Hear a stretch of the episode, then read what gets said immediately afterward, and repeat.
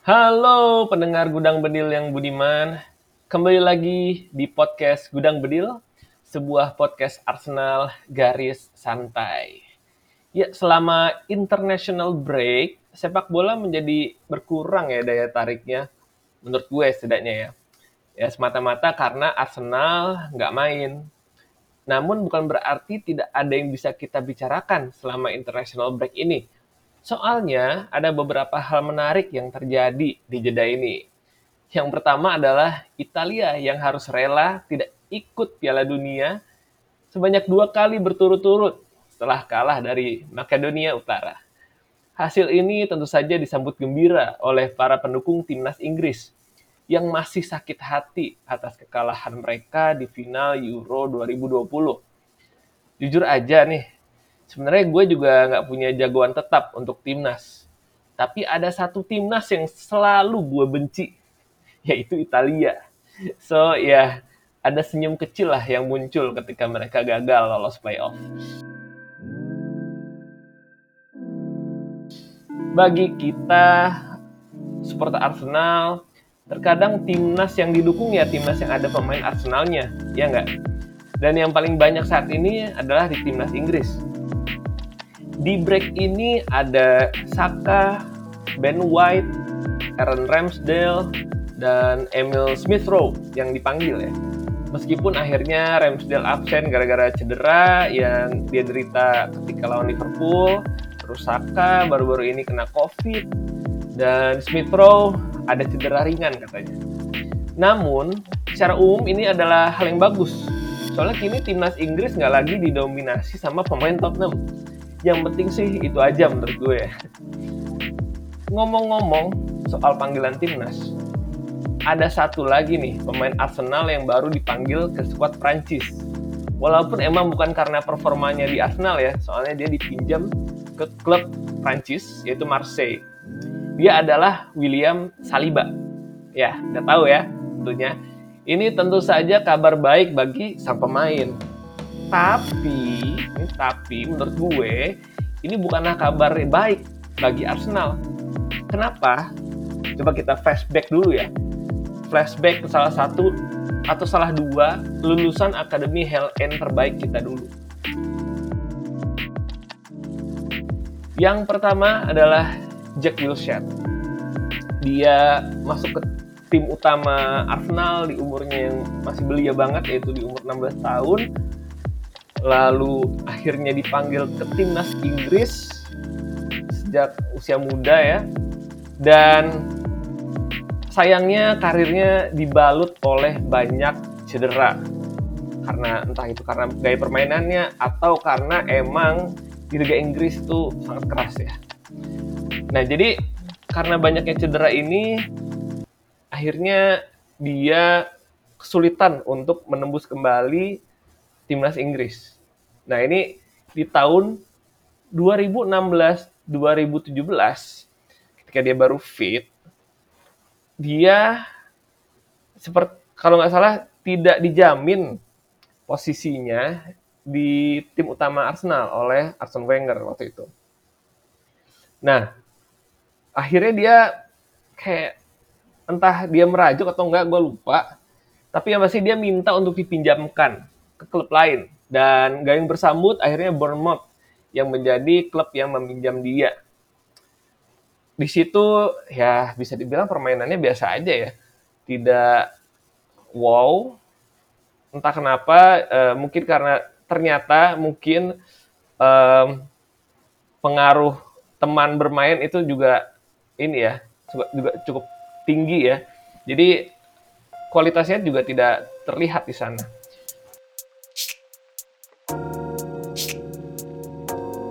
Dan akhirnya dia setelah dari Bournemouth malah cedera nih.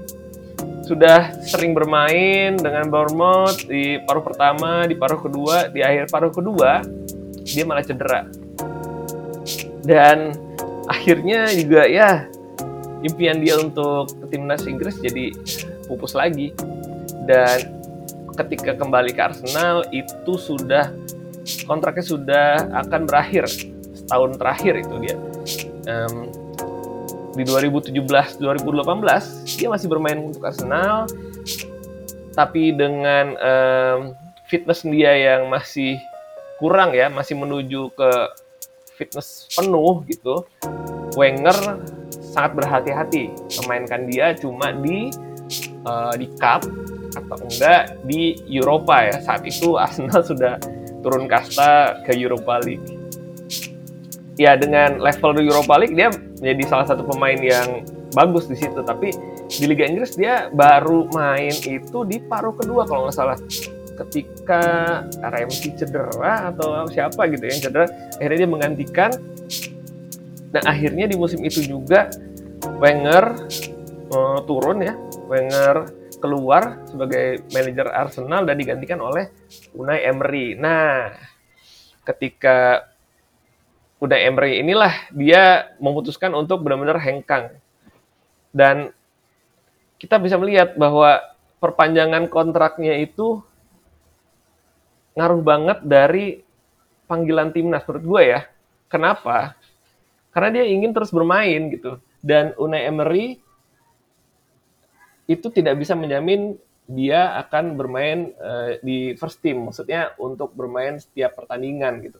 Dan ketika 2016-2017 ketika dia diminta dipinjamkan ke Bournemouth itu juga sama kasusnya. Dia uh, ya dia malah minta dipinjam karena yaitu status dia sebagai timnas terancam. Itu ya, satu Jack Wilshere.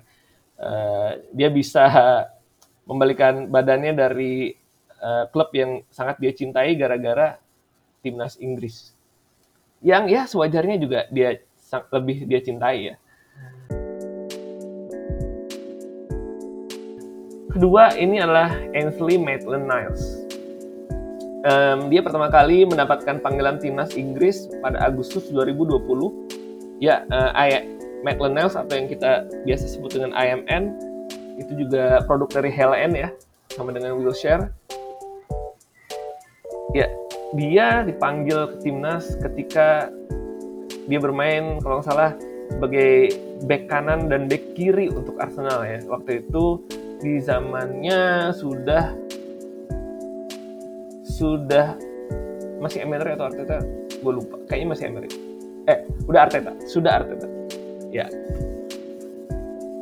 Itu di Agustus 2020 ia mendapatkan panggilan timnas. Dan di timnas itu sendiri dia bermain sebagai kalau salah back kiri juga ya back sayap kiri dan se sejak itu dia ya apa ya pasti seorang pemain itu pengen masuk lagi ke timnas. Dan dengan perubahan taktik yang dilakukan oleh Arteta mengubah menjadi empat back di belakang sehingga Matt Lennell sendiri nggak mendapatkan tempat akhirnya sebagai back sayap. Soalnya dia lebih spesialis spesialisasi sebagai back sayap itu dia mulai nih mulai gerah dia. Soalnya tentu aja dia pengen kembali masuk ke dalam timnas Inggris. Akhirnya pada Februari 2021 di deadline day kalau nggak salah dia dipinjemin ke West Brom. Di West Brom yang saat itu terancam degradasi dan emang akhirnya terdegradasi dan diasuh oleh Big Sam ya, Sam Allardyce. Dan ketika itu dia juga anehnya walaupun dipanggil ke timnas sebagai back sayap ya, dia meminta untuk dipinjamkan ke klub yang uh, yang bersedia memainkan dia di lapangan tengah. Ini agak aneh sih. Uh, jalan berpikirnya emang agak aneh menurut gue main ini ya Uh, terus setelah bermain di West Brom, akhirnya West Brom degradasi dan dia emang dapatkan dapat waktu bermain ya sebagai pemain tengah. Dia dikabarkan akan ditransfer ke Everton di awal musim lalu ya, 2021. Tapi akhirnya gagal. Dan dia akhirnya curcol ke sosmed. Yang dia di mana dia bilang dia pengen bermain di tempat yang dia dia dia merasa diinginkan gitu. Ya tapi akhirnya dia dimainkan juga sih. Ya sebagai pemain tengah. Pemain tengah. Ketika Granit Xhaka cedera dan sempat mendapatkan man of the match Nah, tapi setelah itu dia sudah jarang dimainkan, entah mungkin ada hubungan yang retak di belakang atau um, apa pun itu ya. Akhirnya pada Januari 2022 dia dipinjamkan ke AS Roma. Padahal saat itu Thomas Partey Thomas Partey itu ke AFCON, membela Ghana dan Granit Xhaka mendapatkan kartu merah ketika melawan melawan siapa ya? Melawan entah itu Liverpool, entah itu City ya. Ke AS Roma dan nggak tahu dia main atau enggak ya. Ya gitulah. Pokoknya setelah sang pemain dipanggil oleh timnas, dia merasa ingin kembali lagi ke timnas gitu. Dan tidak ingin posisinya di timnas itu tergantikan. Sehingga dia ingin terus bermain dan bermain akhirnya meminta untuk entah dipinjamkan atau dijual. Walaupun hasilnya tidak tidak ini ya sebaik yang diinginkan mereka ya. Tidak mereka tidak sama sekali tidak dipanggil lagi gitu kedua pemain ini. Ya jadi udah dapat nggak nih kira-kira benang merah dari kisah di atas?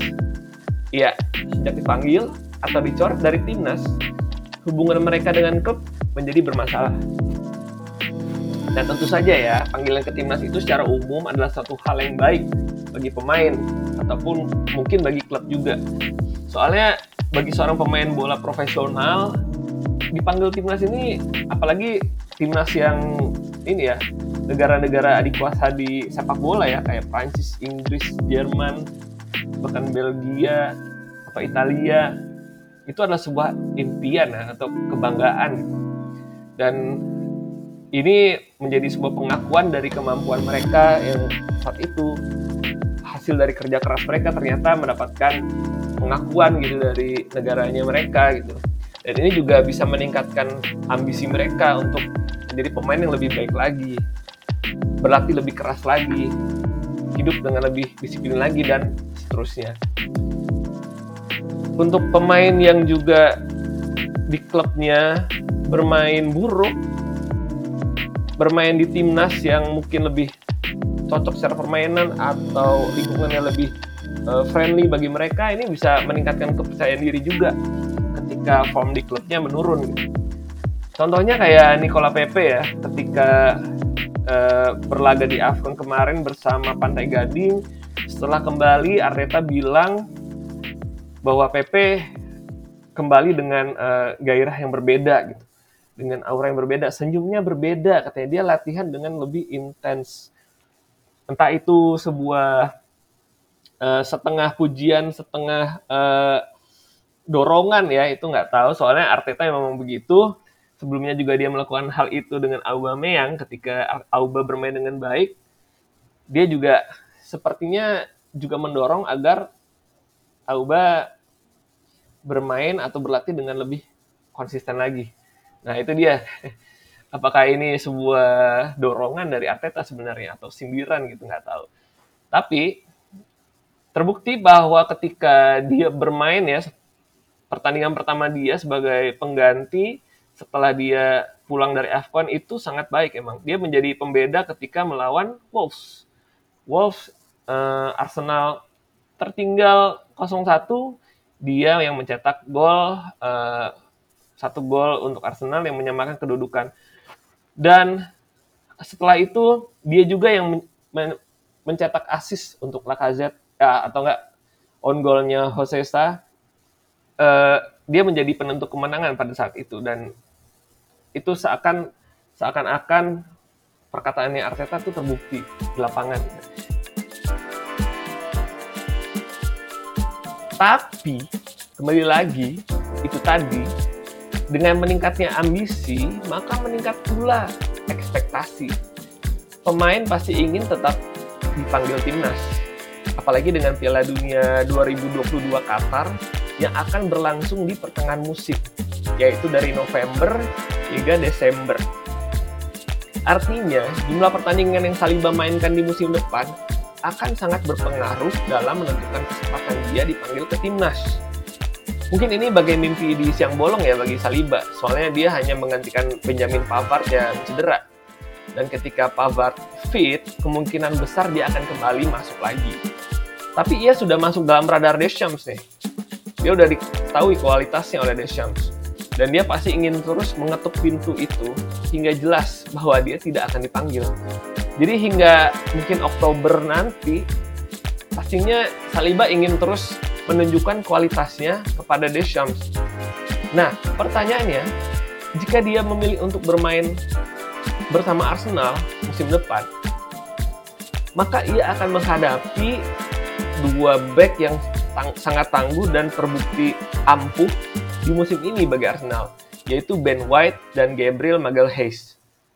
Bahkan mungkin dia juga akan bersaing dengan Rob Holding yang jauh lebih senior dengan dia. Jika jika Arsenal berhasil lolos ke Eropa, ke Eropa ya maaf, entah itu Champions atau Europa League, maka ia akan mendapatkan jatah bermain yang lebih banyak karena adanya rotasi bermain. Belum lagi adanya sejarah yang kurang baik antara Saliba dan Arteta Saliba adalah pembelian Raul Sanley dan Hus Fahmi, dua orang yang dekat dengannya di Arsenal saat itu. Tapi mereka sudah tidak bekerja lagi di Arsenal. Bahkan menurut The Athletic, um, terakhir kali Edu itu bertemu dengan uh, Saliba itu ketika Marseille bertemu dengan PSG. Itu loh, ketika Saliba melakukan uh, tackle kepada Mbappe ya. Ketika Mbappe berlari sendiri menuju kotak penaltinya Marseille dan Saliba berhasil menyelamatkan uh, pertahanannya dari Marseille. Itu sebuah um, momen yang ikonik ya mungkin bagi karirnya Saliba sejauh ini. Ya, memang pada saat itu Edu dan loan manager Ben Nepper mereka datang dan memberikan selamat kepada Saliba atas performa dia yang keren banget. Tapi setelah itu disebutkan oleh The Athletic bahwa belum ada kontak nih antara Arsenal dengan uh, Saliba sejauh ini dan emang sih dari pemain-pemain lain yang dipinjamkan emang emang minim juga kontak antara Edu terutama ya dengan pemain-pemain lain. Hanya mungkin kneper kneper doang gitu yang mengontak secara rutin. Tapi untuk seorang Saliba yang sekarang sudah menjadi full internasional ya, sudah mendapatkan cap Prancis dan value-nya pasti sangat tinggi dan dinanti-nantikan oleh fans Arsenal ini sudah lama aneh juga kalau tidak ada perlakuan spesial kepadanya gitu. Ya, ini mungkin apakah ini pertanda bahwa Arsenal sebetulnya tidak memasukkan Saliba ke dalam rencana jangka panjang mereka? Nah, ini ini yang bikin gue mikir nih. Ini sepertinya kedua belah pihak tidak memiliki rasa apa ya? Rasa ingin sama-sama tidak membutuhkan gitu. Dan terlebih lagi Saliba ini seklub dengan salah seorang yang diasingkan oleh Arteta yaitu Matteo Guendouzi yang sudah sudah pasti ya akan direkrut oleh Marseille dengan harga kurang lebih 11 juta euro harga yang sangat murah ya untuk talenta sebesar Guendouzi tapi ya ya begitulah Arsenal dengan kebijakan penjualannya yang di bawah standar itu. Nah dia klub dengan Gendozi. Terus otomatis mungkin apa ya testimoni soal Arteta ya nggak bagus juga gitu. Dan dia itu temen tongkrongannya dia kayaknya di di Marseille Guendouzi ini. Lalu sebelumnya juga di musim sebelumnya sebelum dia akhirnya dipinjamkan ke Nice ya di musim 2020 2021 di tahun 2020 dia dianggurin tuh selama enam bulan di semester pertamanya. Ini menurut gue adalah kesalahan besar dari Arsenal dan Arteta ya. Mungkin Arteta masih karena masih muda masih ada beberapa hal yang harus dia pelajari ya dan itu mungkin adalah sebuah pelajaran besar bagi dia dan semoga aja dia apa ya belajar dari kesalahan itu si Saliba dianggurin selama enam bulan bersama dengan Mesut Ozil dan Socrates. Nah ini bagi seorang pemain muda potensial ini adalah enam bulan yang sangat disia-siakan sekali gitu. Jadi takutnya ini adalah sebuah uh, catatan buruk yang akan terkenang selalu di otaknya Saliba atas nanti gimana nih gue kembali ke Arsenal apakah gue akan diperlakukan yang sama seperti itu? Hanya ada janji jadi manis dari lidahnya Arteta yang emang ini ya emang manis gitu ya semanis madu gitu.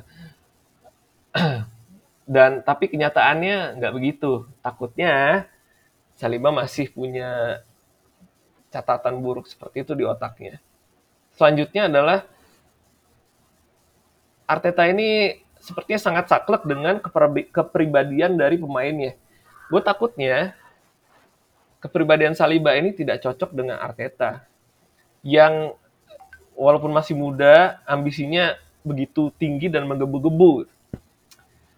Takutnya begitu ya. Uh, dia tidak ingin menjadi pilihan kedua atau ketiga di skuadnya Arsenal saat ini dan keharmonisan skuad itu menjadi salah satu hal utama bagi Arteta di di semasa dia melatih di Arsenal dan takutnya kepribadiannya tidak cocok dan malah menjadikan dia sebagai duri di dalam daging di skuadnya Arsenal. Sejauh ini belum ada hal positif yang dia sebut tentang Arsenal ya walaupun dia mengakui Arsenal adalah klub yang besar, ini adalah kesempatan besar, tapi uh, sejauh ini komentarnya lebih mengarah kepada dia betah di Marseille dan tetap bertahan di Marseille adalah sebuah ide yang tidak buruk katanya. Hmm. Ya, sebuah komentar yang mungkin tidak akan tidak manis ya didengar oleh fans Arsenal. Ya, seperti yang Saliba bilang, bola saat ini ada di tangan Arsenal ya. Hmm. Nasib dia bukan berada di tangan dia saat ini karena dia masih punya kontrak setahun lagi di Arsenal yang bisa diperpanjang lagi selama setahun. Pada akhirnya Willow adalah pemain yang masih sangat muda. Baru berulang tahun ke-21 pada 24 Maret lalu. Baru-baru ini, baru banget. Apalagi untuk seorang back tengah, puncak performanya masih jauh. Soalnya back tengah itu biasanya puncak performanya entah di 27 tahun ke atas ya, 26, 27 tahun ke atas. Sehingga bahkan sampai kepala tiga, hampir ke kepala, mungkin pertengahan kepala empat itu masih bisa bermain dengan baik. Sorry, hampir di pertengahan kepala tiga, bukan kepala empat ya. Itu udah, biasanya udah pensiun orang-orang. Pada akhirnya, ya semua kembali ke kebutuhan klub jika Arsenal memang tidak membutuhkannya, jangan tunggu lama untuk menjualnya dengan harga yang pantas ya. Itu syaratnya. Harganya harus pantas. Jangan sampai jadi Ozil, Guendouzi, dan Auba jilid berikutnya. Ketika Arsenal harus menjual rugi gara-gara ya ketidak tegasan mereka dalam melakukan transfer. Kalau ingin dipertahankan, ya masukin aja ke dalam rencana gitu yakinkan dengan lidah Mas Arteta bahwa dia diinginkan Arsenal. Kalau enggak, ya jual cepatnya dengan harga yang pantas. Apa pun keputusannya, ya melihat transfer Arsenal di musim panas lalu yang sangat-sangat berhasil ya menurut gue, gue percaya itu yang terbaik. Tapi kembali lagi, harus tegas dan menguntungkan untuk Arsenal. Gue pribadi gue gue ingin melihat Saliba bermain ya untuk Arsenal.